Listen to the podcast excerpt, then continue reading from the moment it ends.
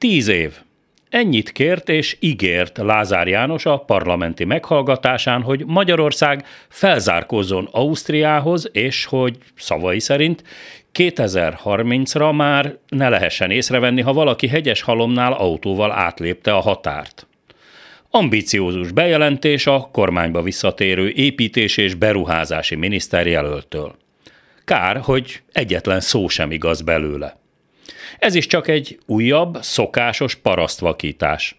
Aféle HHSFH, azaz hazai használatra szánt felelőtlen humbug. Olyasmi, aminek az igazság tartalmáról a magyar lakosság egy jelentős része nem is tud meggyőződni.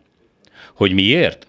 Mert az anyagi helyzete nem engedi meg, hogy akár csak a megyeszékhelyre beutazzon a távolsági busszal, nemhogy Ausztriába vizitelni.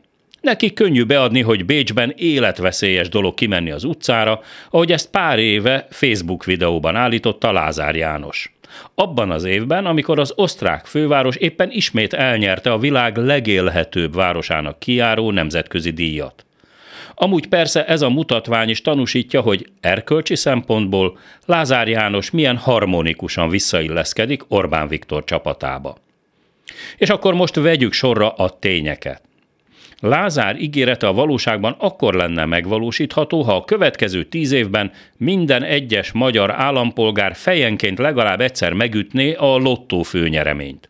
Ugyanis nemhogy csökkent volna, hanem egyenesen nőtt a távolság Ausztria és Magyarország között az egyfőre jutó nominális GDP, azaz a nemzeti össztermék tekintetében ami Ausztriában évi 53 ezer dollár volt, Magyarországon pedig 18.500 dollár, azaz majdnem háromszoros a különbség. A világrangsorban a sógorok a 17. helyen, mi büszke magyarok a 45. helyen állunk. Ezt a hátrányt ledolgozni 10 év alatt matematikailag lehetetlen. Különösen úgy nem, hogy a GDP növekedés terén lassan Románia is behozza és lehagyhatja Magyarországot. Abban a szerencsés helyzetben vagyok, hogy lehetőségem van évente többször is átlépni az osztrák-magyar határt. Ezért innen üzenem Lázár Jánosnak, hogy nem csak Nikkelsdorfnál autóból, hanem Lutzmannsburgnál, vagyis a szintén Győr-Sopron megyei Zsiránál kerékpárról is ordító a különbség Magyarország és Ausztria között. A szó szoros értelmében. Az egyik oldalon a dudva, a muhar, a gaz lehúz. A másik oldalon pedig azt látom, hogy pompásan zöldel az osztrák szomszéd fűje. Mindez persze nem csak a kertek, utak rendezettségére igaz.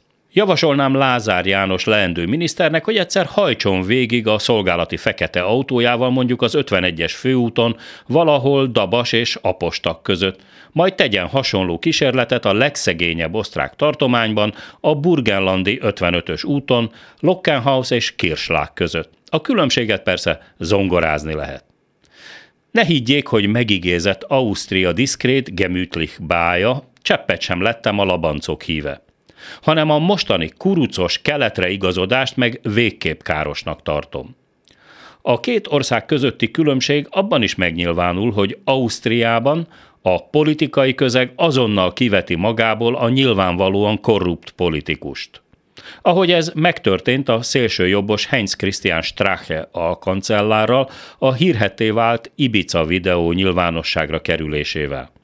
Később Sebastian Kurz kancellárnak is mennie kellett, bár az ő esetében a politikai befolyásolás erős gyanúja is elég volt a lemondáshoz. És nálunk? Simán újra választották a győriek a jachton részegen orgiázó Borkai Zsolt polgármestert, az incidenst pedig sietve magánügynek nyilvánította a Magyarországon ma is erős kormánytöbbséget adó Fidesz. Ez is a különbség Magyarország és Ausztria között, csak ezen a téren alig, hanem távolról sem kívánja ledolgozni a lemaradást Lázár János. Már csak azért sem, mert ő az a bizonyos szólásbeli kecske, akire a fejlesztési pénzek káposztáját rábízta Orbán Viktor. Szóval nem csak, hogy marad, hanem még várhatóan nőni is fog a lemaradás Ausztria és Magyarország között a következő tíz évben. Különösen, hogy a közoktatás is végre a megfelelő helyre került egy veterán zsaru felügyelete alá.